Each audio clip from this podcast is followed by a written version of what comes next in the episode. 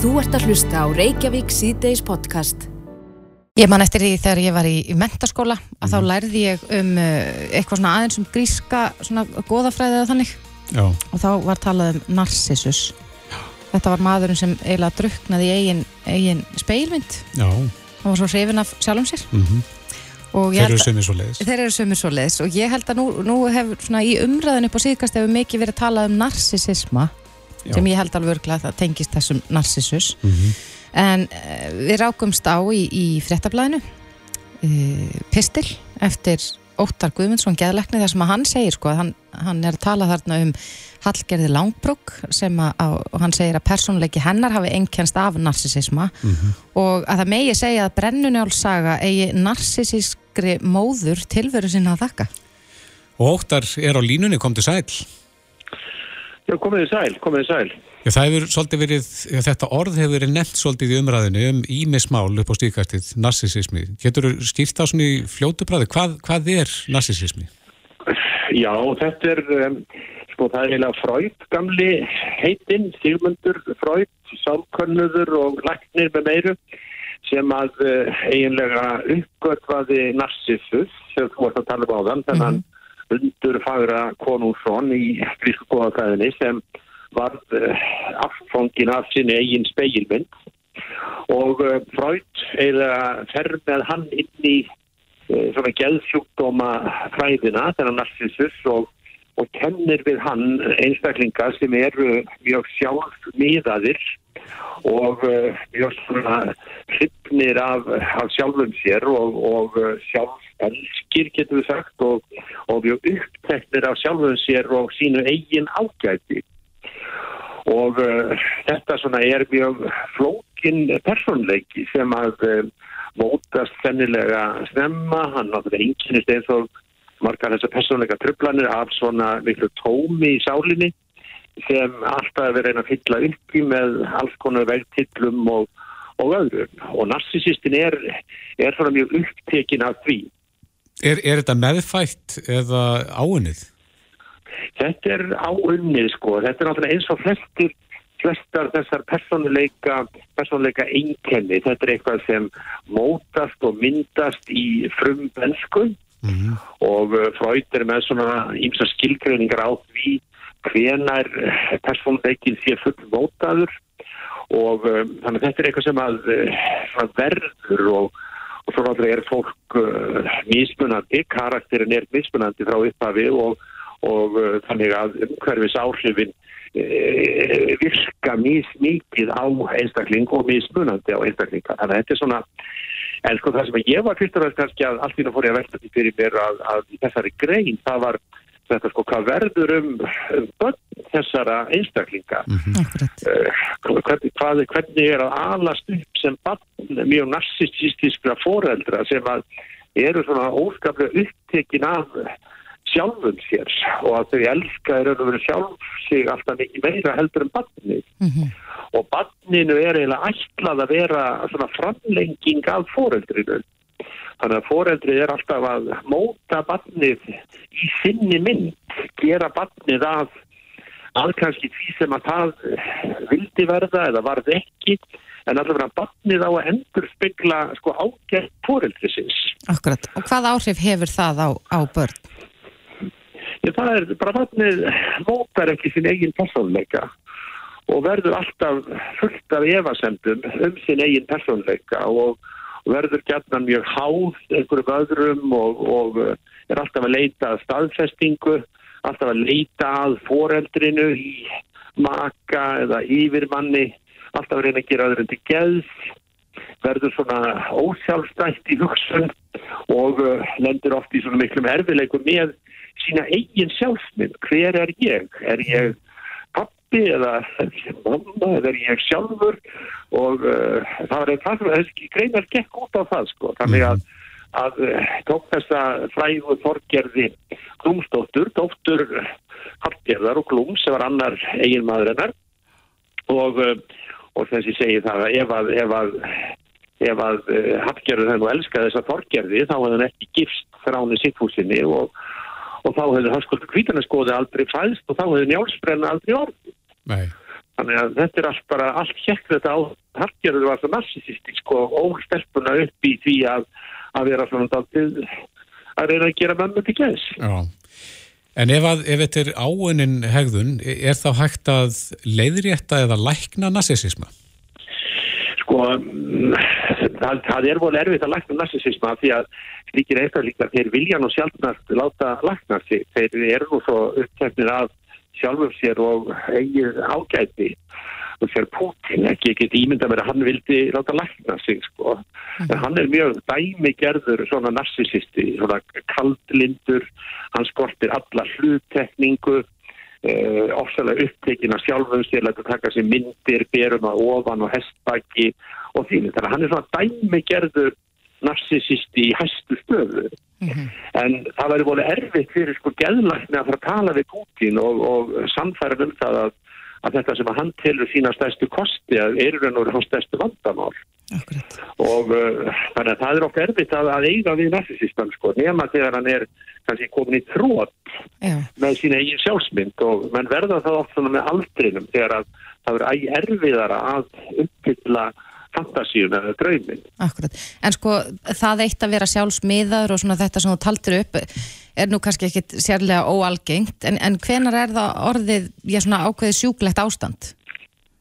Það verður svona sjúklegt ástand þegar að þetta gengur nýst allt um mig og, og mitt eigið ágæti og narsisistin er alltaf að í raun og veru spekla sig í sínu umhverfi. Það er það sem narsisistin gerur. Hann er alltaf að reyna að fá þessi viðbröð umhverfisins, hvað hann sé æðisgengin og, og hvað hann standi sig vel og hvað hann sé klár og fallegur og skemmtilegur og, og allt leiki höndunum á honum og því. Hann verður svona óhemju, svona, hann verður átt leiðilegu til lengtar. Hann er mjög fjárberandi í byrjun og heitlar fólk en fólk treytist mjög fljótt á, á miklu narsisista. Hann, hann verður svo, svona, hann endur tekur sig í sífellu og og það er þessi, þessi sókn eftir vindu, þessi sókn eftir hrósi, aðdáun uh, einhvers konar fullnægingu í því að, að sé verið að tala vel um mig og því en, en sko vandam á narsisistan er sko þetta er aldrei nóg.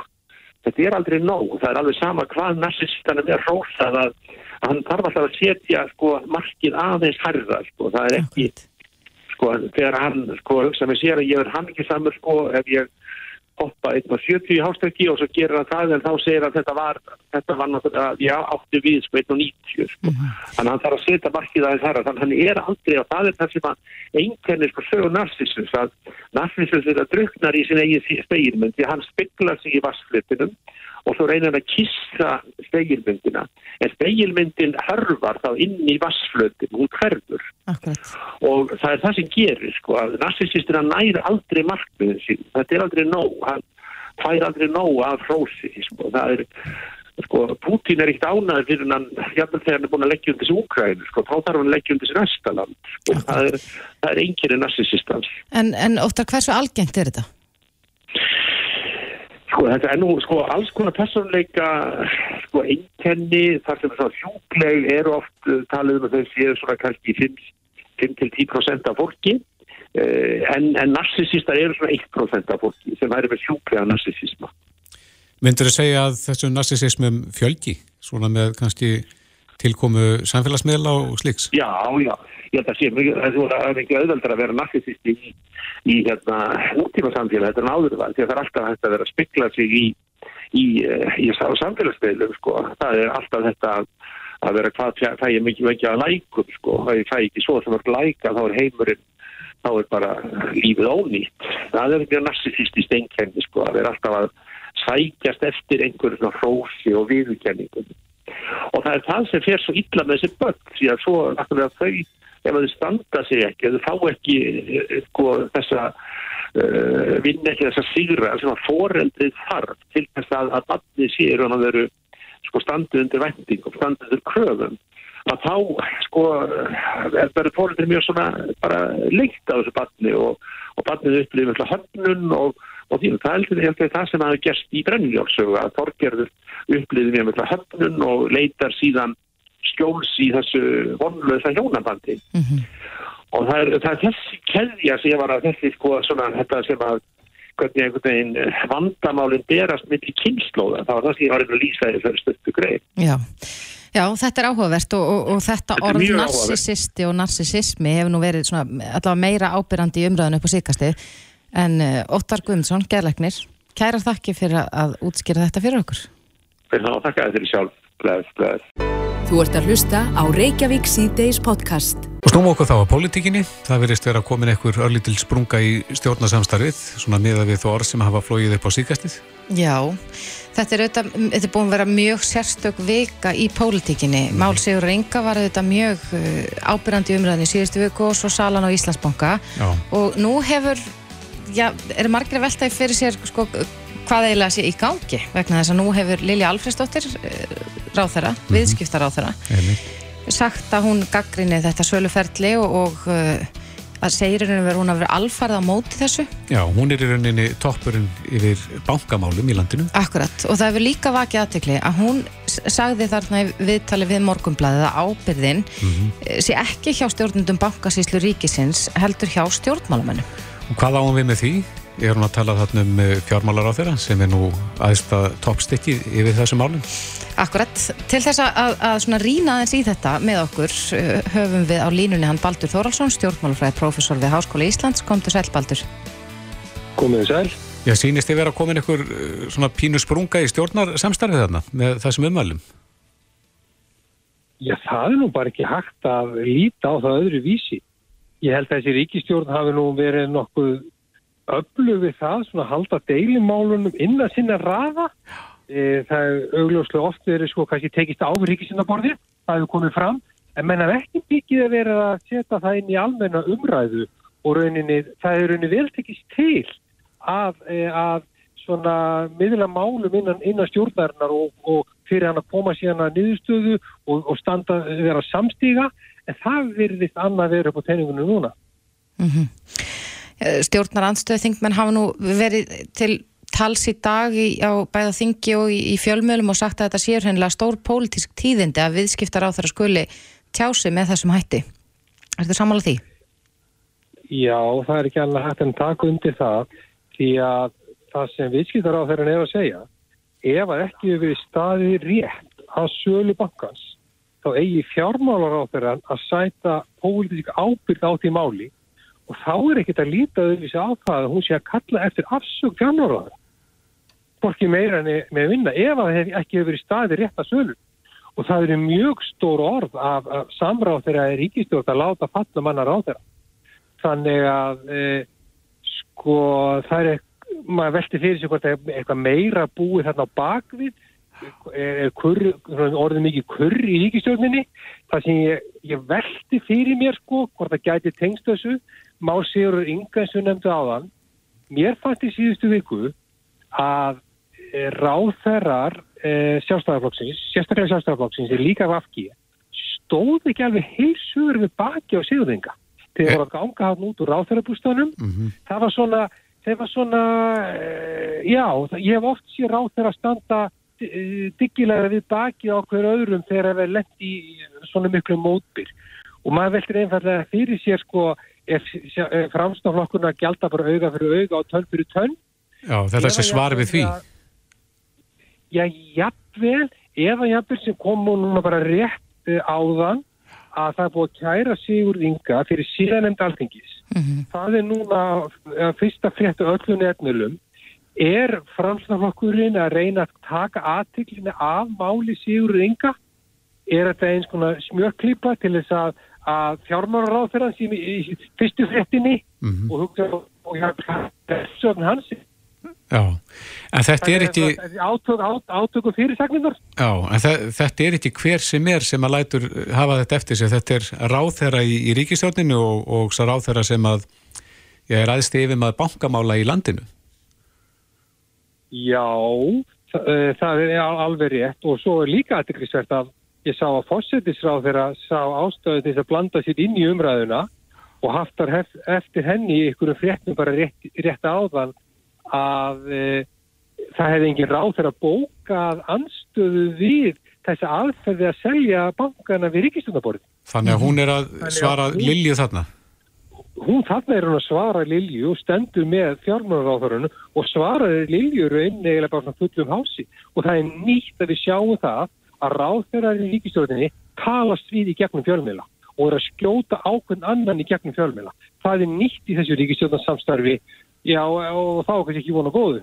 Nei, en það hefur líka bara verið sérstaklega að fylgjast aðeins með sko, umræðun í kringum sölun á bankanum.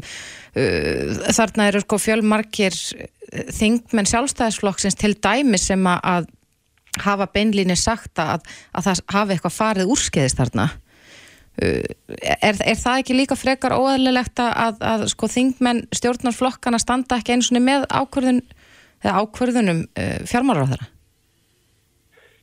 Jú og séu svona gaggrínir á þetta, bæði þarna þingmenn sjálfstæðarflokksins og nefnir sérstaklega og bafkíi, en þessi þingmenn er allir að beina spjótu sínum að bankasýslu mm -hmm.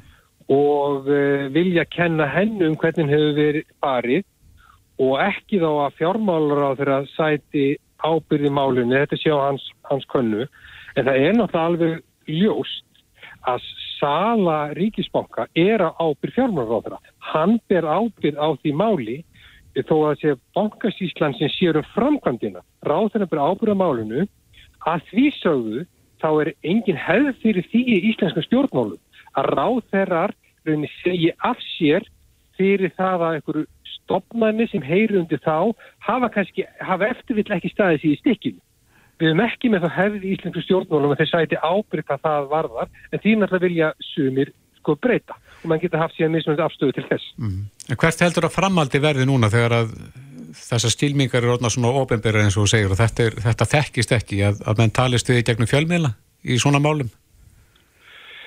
Sko það er nú mest að líkur á því að menn slíðir í sverðin.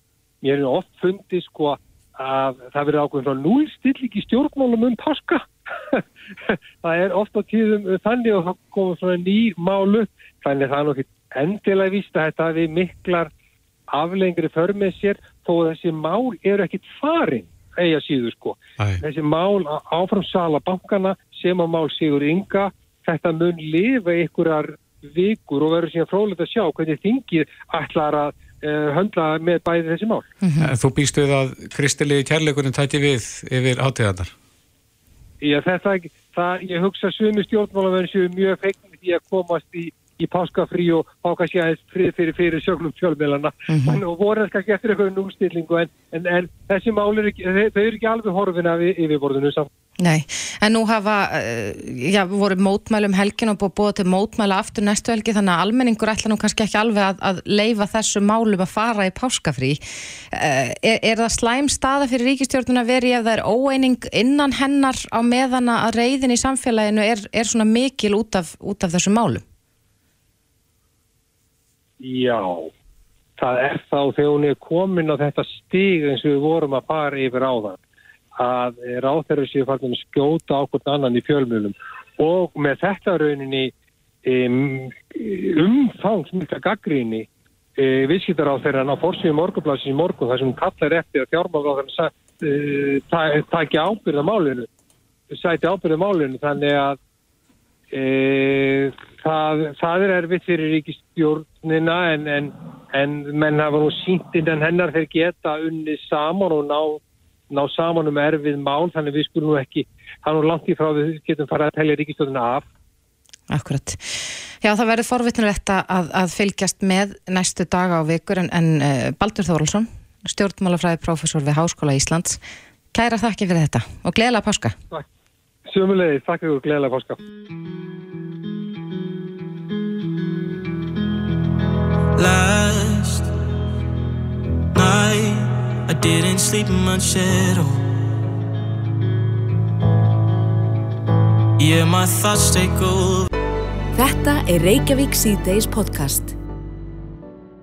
Sólinn, hún skín, hún hérna gerir mikið og það viðraði þá vel til þessar æfingar í dag og reyndar kræklingatínslu líka. Já, hátt í 200 bandarískir hermenn æfðu landgöngu í kvalfyrir í dag og uh, við fengum fréttir af því í morgun að uh, samtök hernaðar anstæðinga væri að efna til kræklingatýnsluferðar í kvalfyrða á sama tíma og sama stað og uh, landgöngulegarnir voru að æfa Formaður samtakana sagði í viðtali við vísi í daga að það væri bara mikil tilvíluna að tímasetning viðböruna hittist svona á.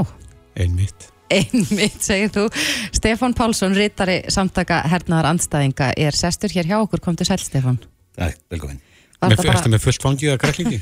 Nei, heyrðu, við fórum nú að skoða þetta aðeins betur, þá kom nú í ljós að, að hérna matvælarstofnun hafði nú eh, svona fyrir mánaðamót sendt út viðvörun um það að það væri nú ekki óhætt að, borða kræklingin, þannig að þá gerðum við nú bara eins og lagsveðmennir og bara veitum og sleftum. Já. Og svona þessu utan þá fannst nú ekki mikill kræklingur. Það var nú greinilega hérna, stóð nú ekki alveg, alveg hérna eh, svona vel á í, í, í, með, með sjáarfall. Hvað voru þið mörg hérna? Þetta var nú bara smá hópur farið á nokkrum uh, bílum ákveðið með, með skömmum fyrirvara. Þetta eru náttúrulega þessar, eins og ég segi, magnar þessar tilviljanir. Fyrir, fyrir tveimur árum þá vorum við með sumarferð í Þjórsardal bara á, á nákvæmlega sama tíma og, og hérna Norður Vikingsæfingin var þar. Þar sem að, að hópur dáta var marserandi og, og við lentum í honum, honum miðjum. Að þessu sinni þá var nú svona kannski erfiðar að komast að. Það er nú, lögreglan tilkynnti nú um ákveðnar lokanir og það er nú auðveldara að, að loka eh, kvalfyrðinum heldur en, heldur en mörgum öðrum stöðum og svo svona þegar á hólminn var komið þá reyndust nú þessar lokanir vera mjög sveigjanlegar og, svæðin sem að banna var að fara á og þau svona bara breyttust eftir því sem að, að, að leiða á, á morguninn. En, en ég náðu nú að komast nokkuð næri En eins og, eins og við vitum að þá eru samtök hernaðar anstæðinga já, á móti hernaði. Og þetta, þessi æfing grundvallast á varnarsamningi Íslands og Bandaríkjana og hefur verið haldinn hér í, í 40 ára, ekki satt?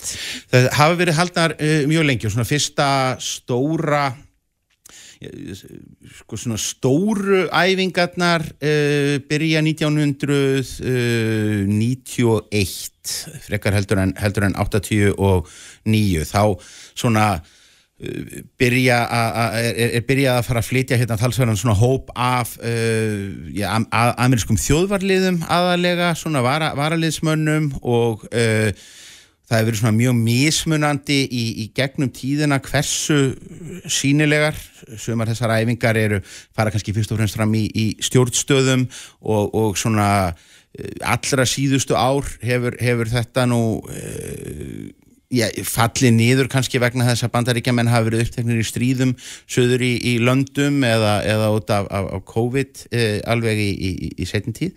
Þannig að þetta er svona, þetta er svona mismunandi umsöga mikið en við höfum nú uh, svona mjög oft reynda að, að uh, mæta á svæðið og, og minna á okkur vegna að það er í rauninni alveg lígilegt hvað bara það að það mæti þó ekki sé nema sko fáeinir uh, einstaklingar að þá svona, svona kippir það mönnum pínlítið niður á jörðina sem að eru í einhverjum fullortni menn í einhverjum, einhverjum byssuleika að, þykjast vera í einhverjum hernaðarátökum þegar að, að það er svo bara svona fólk vappandi í, í, í, í mesta sakleysi rétt við, við hliðina á að, svipast um eftir fjallagrössum eða þessu tilviki tína krekling. þetta eru atvinnumenn, þessir herrmenn og, og vandala lauruglumenninir okkar líka og landilkisjæslan, en svona í, í ljósi stöðunar í heimsmálum er ekki mikilvægt að, að æfa þessa hluti ef að eitthvað myndir nú gerast hér og það þyrfti að bregðast við.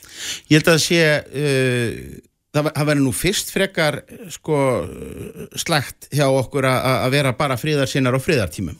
Ég held að, að einmitt þegar að það eru ófriðartímar og það er, er stríð í veröldinni að þá sé mikilvægara heldur en nokkur sinni fyrr að friðarsinnar minni á sín viðhorf og, og, og, og uh, sín, sína afstöðu. En það þarf Og ég ekki að vera á réttum held, stöðum. Og ég held að uh, það sem að, að uh, bara atbyrðinir, þetta skelvilega stríð sem er í, í, í gangi í Úkrænu, uh, það á öðru fremur að, að minna okkur á mikilvægi þess að uh, að rödd fríðar sinna heyrist vegna þess að það byggist á þeirri trú og þeirri hugmynd að menn muni geta knúið sitt fram, uh, geta náð sínum markmiðum með vopnavaldi í krafti þess að hafa tæki, hafa þjálfaða hermenn og, og það er nákvæmlega þessi sama hugmyndafræði sem að lokum leiðir til stríða og stríðsátaka. En að æfa varnir. Uh, ég held að, að, að, að það sé nú afskaplega, ég meina þetta, þetta er fyrst og næst er þetta heræfing. Og ég meina heræfing gengur út á það að undirbúa átök, uh, undirbúa uh, hernað og, og, og menn eru þarna í uh, bissuleikjum að æfa landgöngu uh, að taka uh, að fara á land uh, með, með herlið og, og herbúnað þannig að ég gef nú lítið, lítið fyrir það Þú sér engar aðstæðu sem getur komið upp sem að krefast þess að menn kunni það? Ég held að það sé bara afskaplega uh, mikilvægt að við vindum ofan af þessari svona uh, hernaðar trú, þessari, þessari hugmynd að uh, á, um, um máttins uh, sterka uh, sem að ég held að sé bara orsök, átaka og, og, og styrjalda. Eftir því sem að herir veraldarinnar eru öflugri, eftir því sem að, að mókaðir í þá meiri vopnum, eftir því sem að áhersla stjórnmálamanna á hernaðlega lusnir uh, er meiri, þeim meiri líkur eru á að þessum sama her verði beitt og það brjóðist út stríð. En... Og ég meina við sjáum uh, þetta stríð sem við erum að horfa á núna í, í Evrópu er þrátt fyrir það að, að við séum með sko stærri og, og upplugari heri á, á, hjá, hjá vesturveldunum heldur en nokkur sinni fyrr. Hver ætlum við þá að enda? Mm -hmm. En, en hver, nú hafa margir sagt að, að sko, við þurfum á þess að halda til þess að verja okkur, til þess að tryggja öryggi okkar ef eitthvað kemur upp. Hvernig er þá hægt að tryggja öryggi ef ekki svona? Ég held að öll sam, á öllum tímum í sögunni hefur það gerst að, að lítil samfélag hafa staðið frammi fyrir spurningunni hvernig tryggjum við öryggi okkar í háskalegum heimi.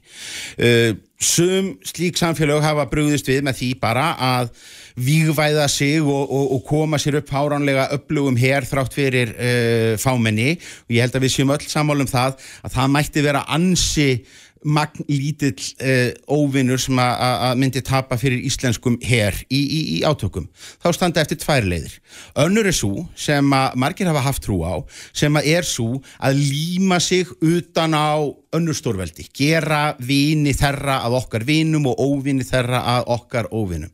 Þetta hafa mér marg oft reynd í gegnum tíðina, mjög oft verður, verða örlög þerra sem að taka þessa leið að þeir uh, dragast inn í átök sem koma þeim í raunin ekki við, kremjast undir, annarkvort af óvinum hins meinta vendara eða jafnvel eru kramtir undir af vendarannum sjálfum og þá er bara þriðalegin. Hún er svo að við sem vopplaus smáþjóð uh, högum okkar málum þannig að við forðumst það að eignast óvinni, að við komum fram sem uh, ríki sem að bara nýtur virðingar fyrir, fyrir sangirni og, og sáttfísi slíklönd geta verið í kjör aðstöðu til þess að verða málamiðlarar þegar kemur að deilum annara uh, ríkja og, og, og þjóða. Og það er svo leið sem ég myndi vilja fara. Stefán Pálsson, sakfræðingur kræklingatýnslumadur úr kvalferðinum, tjæra þætti fyrir komuna. Takk.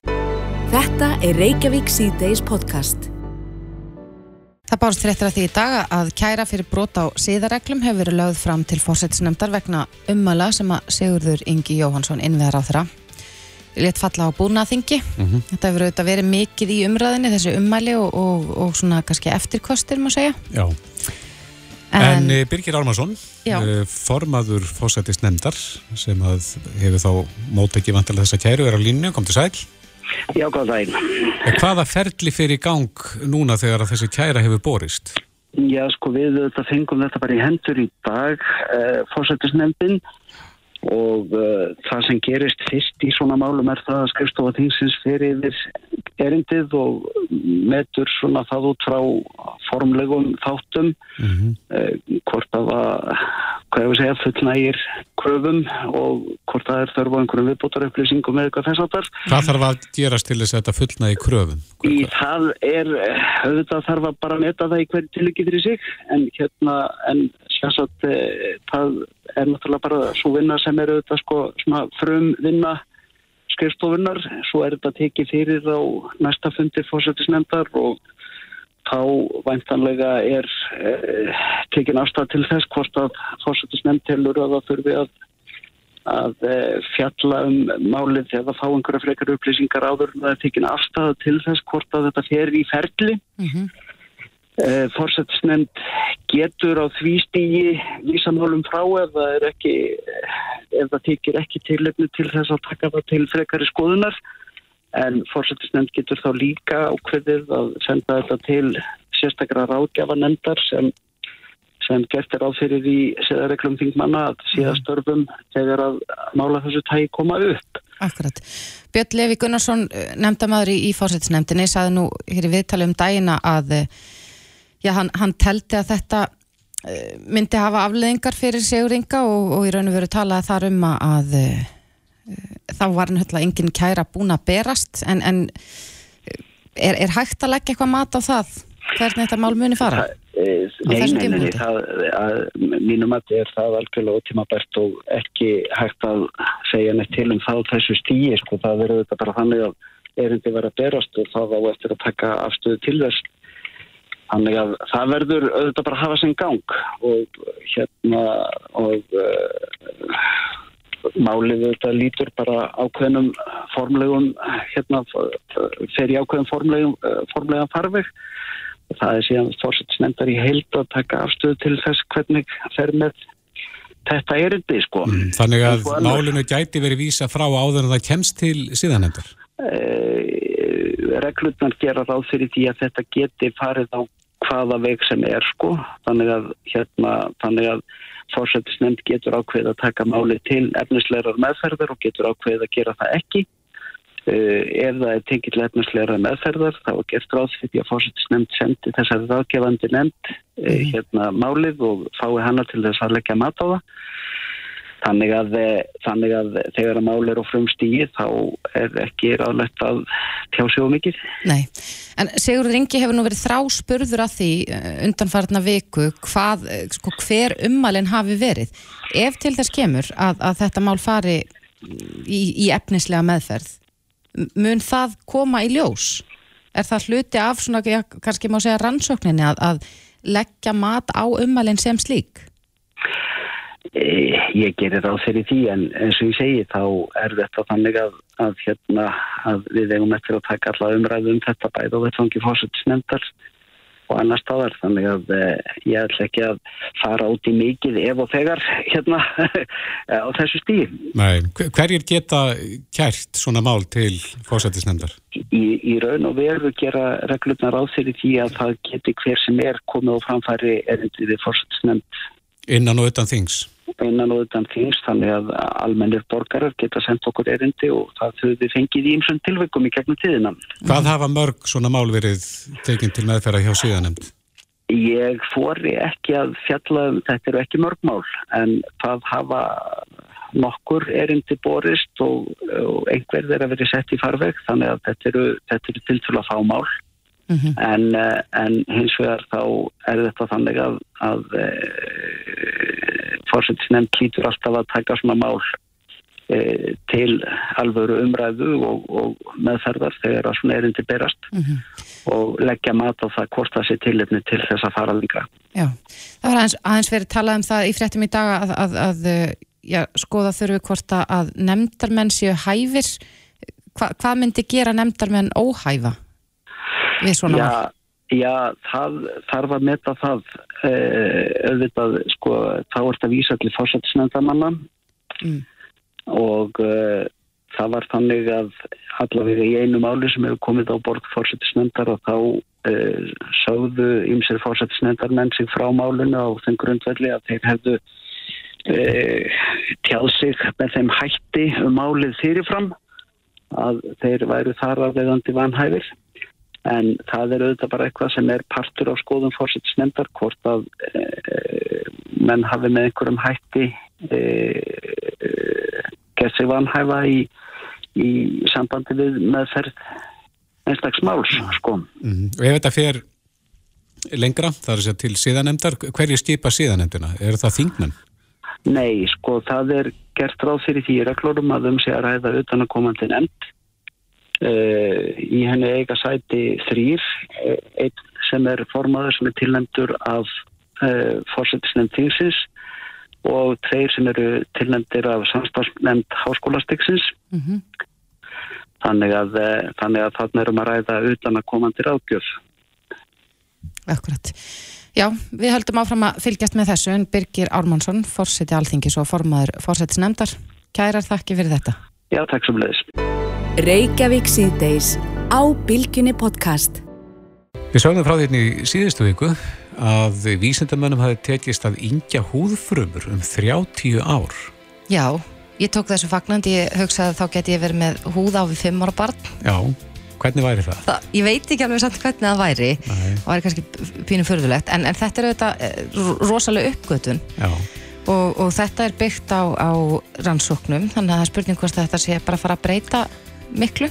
Já og svo halda menn að þetta geti jafnvel sko verið upp að því að, að þetta geti eitt ímsum öldrunar sjúkdómum Já, ef að það er hægt að yngja frumur með þessum hætti. mm En leitum til sérfræðingana og kannski sérfræðing í húð á þessu sinni. já.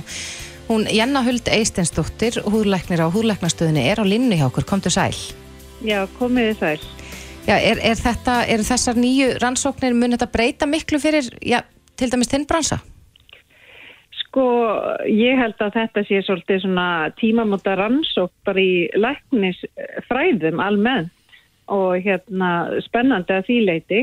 Mm Þetta eru svona genarannsóknir og þeir í rauninni taka þarna fá húðfrumur eða að bandisfrumur og leðurhúð miðaldra einstaklinga.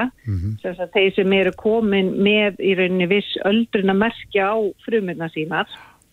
Að því að þegar við eldust og þá svona missa frumurna svolítið svona hæfileikan sína öldruna breytingar sem festast á, á frumunum.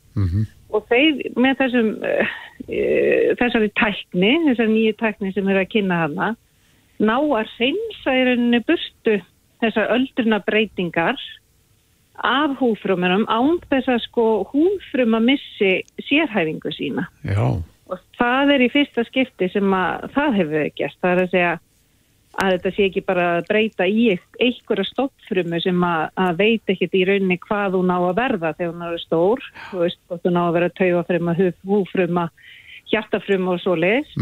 Heldur heldur alveg eiginleikunum sínum til þess að vera húfruma áfram og fer bara að mynda aftur þarna kollagen og, og, og, og, og hérna starfa eins og hún sé 30 árum yngri. þetta er magnað. Þetta En- er magnað. En ég menn telja sér geta þá hugsanlega heimfært eftir yfir í aðrar frumur og það eru þá stór tíðindi. Það eru náttúrulega eiginlega kannski stærstu tíðindin varðandi öldrunarsjúkdóma eins og Alzheimer og, og fleiri sjúkdóma ef við ná að, að gera það. En við erum náttúrulega að taka þetta með stórum fyrirvara. Þetta er frum rannsóknir, þeir eru að gera þetta í tilraunaglösum. Þannig að þetta er ekki, ekki neitt sem er búið að yfirfæra yfir á lifandi verur. En þanga til þá verðum við að beita öðrum ráðinu það ekki til þess að reyna íkja húðina.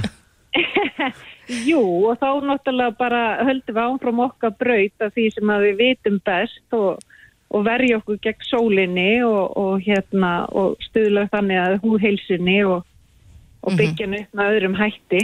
Sko, Kristoffer saði hérna yngja húðina, þá, þá bara velti því fyrir mér, er það yfirhöfuð hægt ef að það eru komnar einhver, komin svona einhver merki um öldrun, um rukkur og, fleira, er hægt að snúa því við?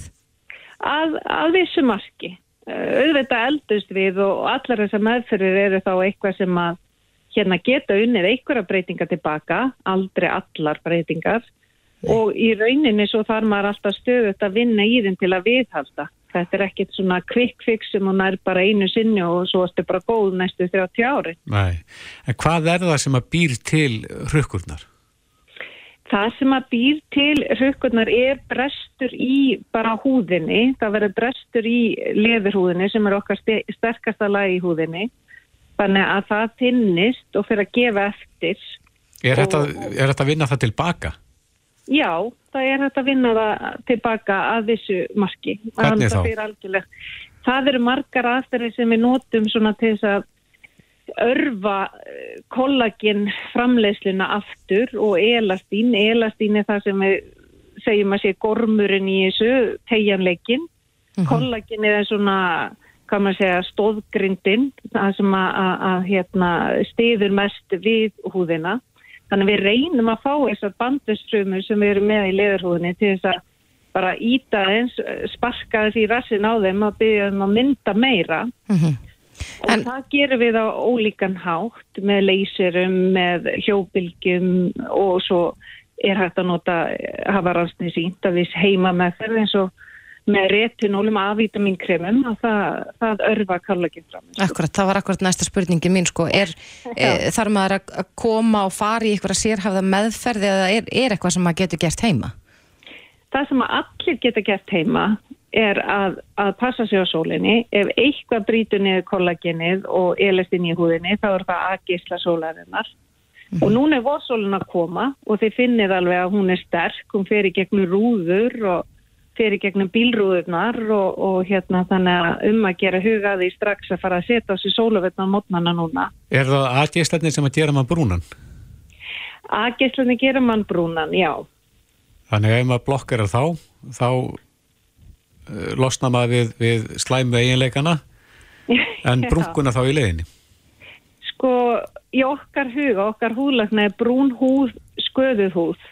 Já, Þannig að, að, að brunga er ekki í sjálfur sér hraustleika merki eins og tali var hér einu sinni. Þetta er það merki um að, að húðin hefur tekið á móti mik mikið af geislum, sólarinnar, og er að reyna að rempast við að verja þig, verja erða efnisitt, að verja húðfrumunnar.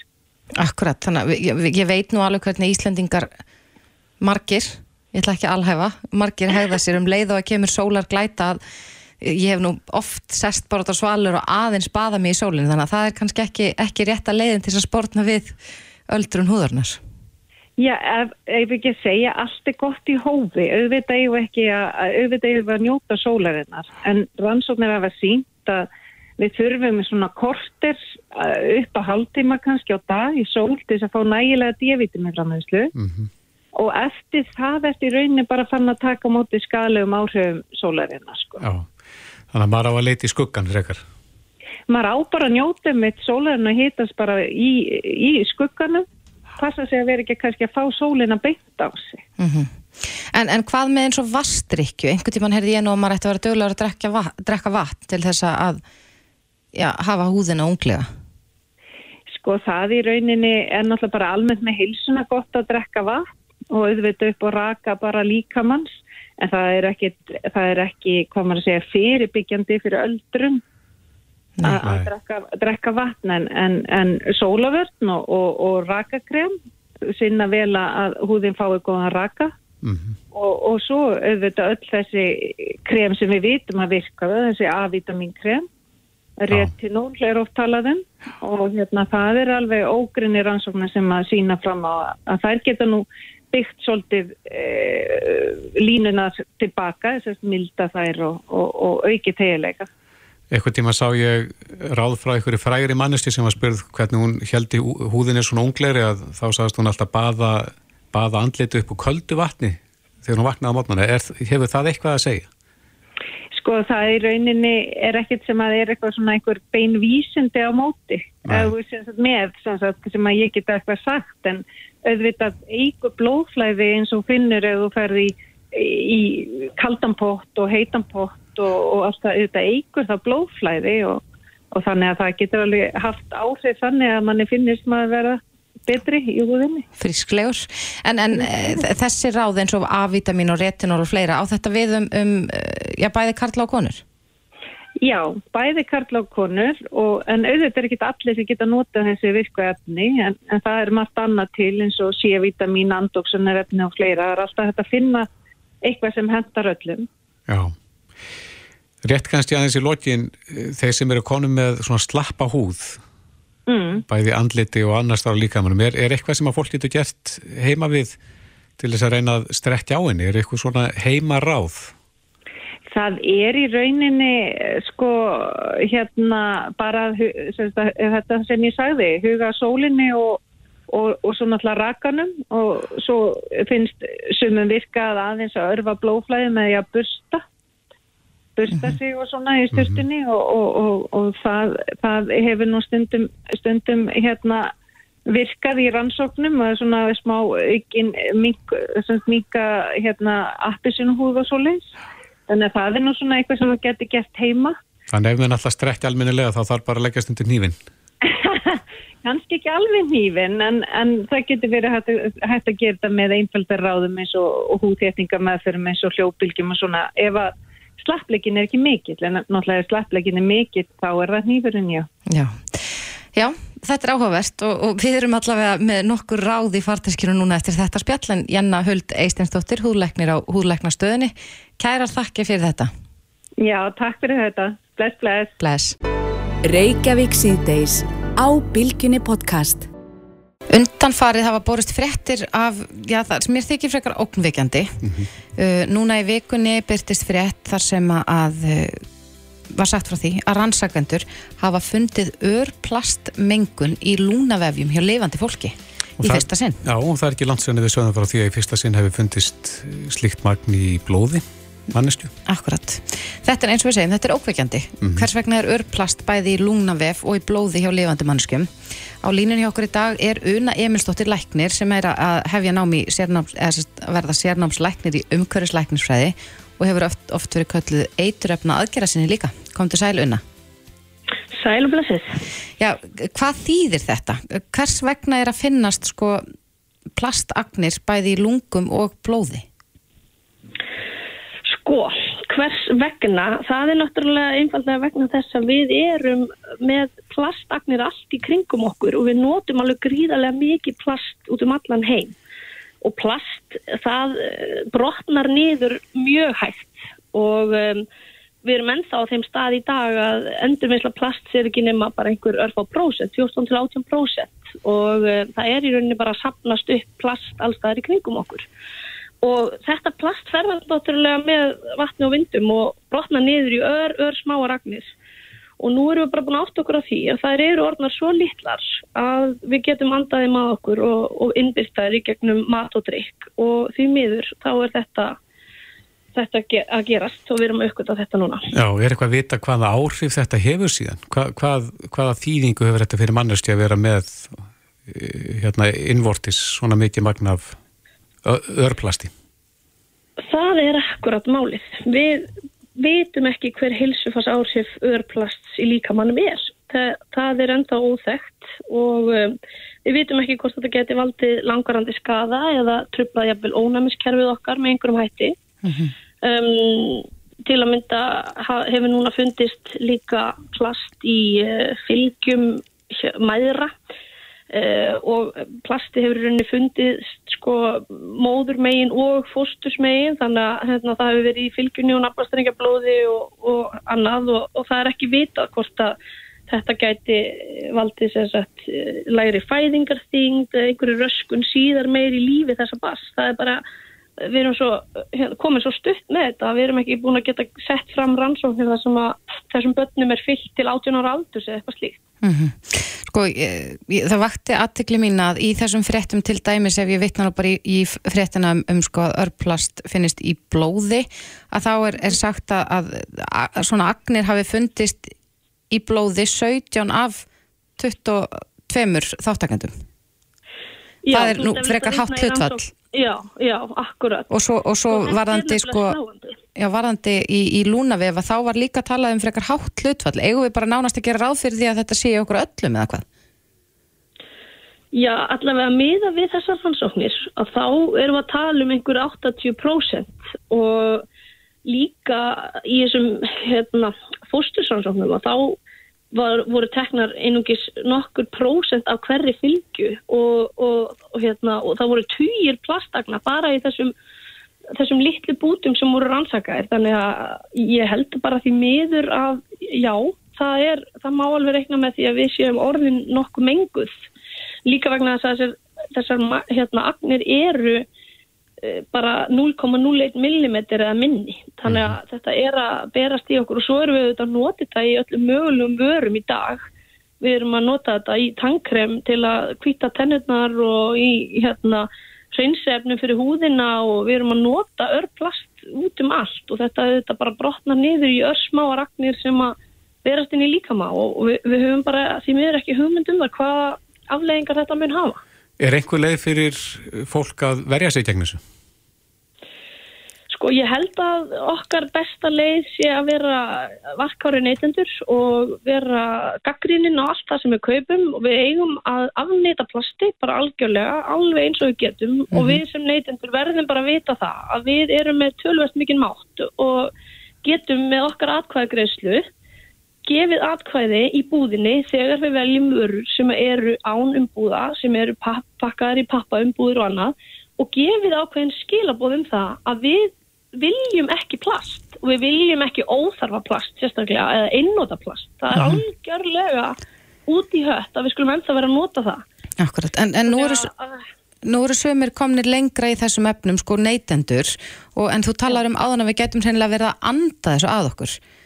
Þarf hreinlega bara algjört fjölda átak þar sem allir taka saman höndum og afnita plasti til þess að, að reyna að sportna við þessu Já, ég myndi bara taka undir það með þér. Það er akkurat það sem við þurfum. Við þurfum bara öll að taka höndu saman og reyna að minka sko eh, plastmengun á global skala, á, á heims skala sagt, og, og, hérna, og bara vera meðvituð að, hérna, um það að þetta getur bara reynlega að safnast upp og, og verið að setjast í mannslíkaman okkar, í líffærin okkar og í dýrmætu fóstrin okkar í móðukvið. Heldur að þessa frétti sé að ná eirum fólks eða heldur að fólki sé sama?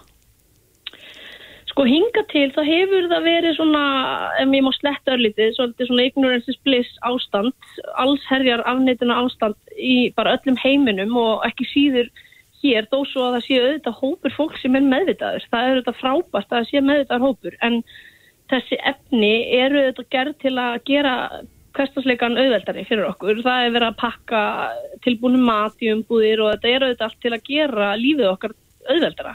Og það er alveg e, jafnvel vesen að ætla að vera neytandi sem að neyta sér um vöru sem að inniheldur mikið plast. Þannig að hinga til hefur fólk svolítið svona látið þetta svo vindu meiri þjóta og, og hérna, haldið áfram með lífið sitt sko. en, en svo þegar man, maður fer að hérna, eiga börn sjálfur og, og maður er með samkend og, og bara áhyggjur af framtíðinni bara fyrir komandi kynslaður og, er bara svolítið svona fyrir að hugsa um náungan að þá sko fer maður að fá svo litlar áhyggjur og langar að taka þátt í að gera heiminn betri. Og þá langar mann að vera með í þessu átaki. Og ég hvet bara alla til að kynna sér málið og reyna eftir bestu getu að, að bara stöðva þessa þróun. En þetta lítur þá að vera eitt af svona stóru viðfangsefninu sem blasa við hvað rannsóknir varðar eh, ef við erum að komast að því að það eru örplasagnir í, í lungum og í blóði og, og í, í sko fylgjum að, að þá lítur það að vera að þetta verði já, svona viðfangsefni sem að margir munu snúa sér að. Já, já, ég get alveg trúið því að þetta munum við ekki áhuga sérstaklega innan umhverfisleiknisfæðinar vegna þess að þetta eru þetta bara ekta, hérna, ekta viðfangsefni fyrir, fyrir umhverfisleikna að rannsaka og fylgja, búa til stórar rannsóknir þar sem að hópum er fylgt e, í lengri tíma, mörg ár og, og það verður skoðað plast í blóði og, og einhver heilsufars áhrif í framtíðinni. Það er mjög spennandi. Akkurat. Já, Una Emilsdóttir, læknir, kærar þakki fyrir að útskýra þetta fyrir okkur og við skulum vona að við getum tekið höndum saman og reynda að afnita plastinu. Akkurat, takk fyrir Takk kærlega. Já, ekki málið. Hlustaðu hvena sem er á Reykjavík C-Days podcast. Jæja, uh, nú steytist í páska Já. og uh, nú er, er dimbilvika og, og það er svo sem búið að tala um þetta, ég heyrst þetta mjög oft en ég átta mig ekkert alveg sjálf á því hvað, hvað dimbil er. Nei, ég var um eitt að spáði það líka. Já, en dimbilvikan er vikan fyrir páska Já, og við erum allavega forvitin að, að, að svona heyra það Já. hvaðan þetta nafn kemur já, og hvað ætli dimbil sé á línunni hjá okkur í dag er Árni Björnsson, þjóðháttafræðingur, komdu sæl. Já, komið sæl. Getur þú sagt okkur hvað, hvað dimbill er? Í rauninni get ég það ekki. Ég hef, ég hef mikið reynt að komast að því Já, og reyna lagt bara árum við dag. En ég, ég er ekki komin að endanlegri niður, niðurstöðum. nei, Og maður, mann var kent að þetta væri trekólfur mhm, sem hefði verið settur í kirkjuklukkunar í stað fyrir malmkolf uh, til þess að hljóðið yrði svona veikara. Í já, En- hvaða tilgangi? En- sagt, hvers vegna fyrir páska? já, það er allt, kru, krukkurnar átt að þegja fyrir páska Mhm. Vegna föst, föstlunar og vegna bara þessara sorgar, Já, eh, vegna, vegna sorgarinnar sem sagt, vegna, vegna dauða og krossvestingar Jésu. já, En þessi kenning sem aður, sem aður lærði bara í barnaskóla, hún reyndist ekki rétt. já, Því að það, klukkurnar áttu bara að vera alveg bundnar upp og voru bara ekki notaðar. Það voru ekki hring, hring, var, þeim var ekki hringt fyrir ná páskadag. já, já, Og hver og hvað var þá þessi dimbill því að það var ekki trekólfu sem var settur í klukkuna. Játtkólfinu var aldrei tekin úr. nei. Hann var, hann var bara bundin. Og voru eitthvað aðrar kenningar? Eh, Já, ég, ég, það sem ég kom stað næst var að í staðin fyrir kirkjuklukkur sem ekki máttu hljóma. Að gefa einhver merkjum í messunni messunum svona, og tíðasögnum uh, hvenar hvað átt að gerast. Að það var, það var eh, einhver trekólfur sem var, var barið í spýtu til að gefa merki. Já, já, og þessi, þessi spýta, þessi, þessi trekólfur, hann var kallaður dimbill. Já, já, og það er skilt, uh, sen er orðinu dumbur eins og vera döfdumbur, mhm, að svo vera hljóður eða hljóðlítill og um, þetta, þetta er það sem ég komst næst. já, þannig að þetta geti verið bland af, af svona einhverjum dömbi og trim, trimbli. Já, en þetta er sem sagt, uh, það var einhvers konar verkfæri og maður, bara sennilega einhvern ómerkilegt verkfæri eða einhvern, einhver tre, tre, tre staugur, stautur sem var barið í í staðin fyrir klukku. En, en hversu langt er síðan að við byrjuðum að tala um þessa viku sem dimbilviku? Já, af því að það, það, þetta var svo sérstakt fyrir að, að, að kirkjuklukkun skildi ekki vera hringt. Hún fekk sem sagt aðra uh, vikan fekk dó nafn af þessu verkfæri. já. En hvað er langt síðan að við byrjuðum að nota þetta? Eh, Hvað, eh, Orðið stimbilvika. það er alveg aftur bara aftur á þóttuöld. Já, já, Þetta er, þetta er bara, þetta, og þetta er til sko í fleiri málum, það er til að sko dimmilúi á dansku til dæmis. já, Þannig að þetta er, þetta, þetta er alþjóðlegt. En, en enginn hefur kannski komist að, já, hennu rétt að svara um hvað dimbill er, þó að eins og þú segir þú hafið nú lagt mikið á þig við það að rannsaka það. Nei, nei, ég skal segja ykkur að uh, menn fóru ekki að, sp- svo mikið að spá í svona uppruna orða. Að það er tiltölulega nýlega sem menn fóru að spá í uppruna orða. Og það, það er ekki fyrir ná svona 19. öld sem við fara virkilega þessi orðsifja fræði koma til sugur menn, menn bara viss bara, uh, þetta orð var til en menn voru ekki að spá svo mikið í uh, hvernig orði var upprunnið. nei. Eh, Þetta gæti líka verið eins og segir kannski tökuorð. Tök orð. Já, Já, eh, bara alþjóðlegt orð, er ekki fyrir tök orð, ég minna þetta, þetta var bara til, á, já, ansi við það, einmitt. bara til víða bara eins og bara sömu orð eru til í mörgum tungumálum. Já, akkurat. En það er í það mista dimbilvika núna.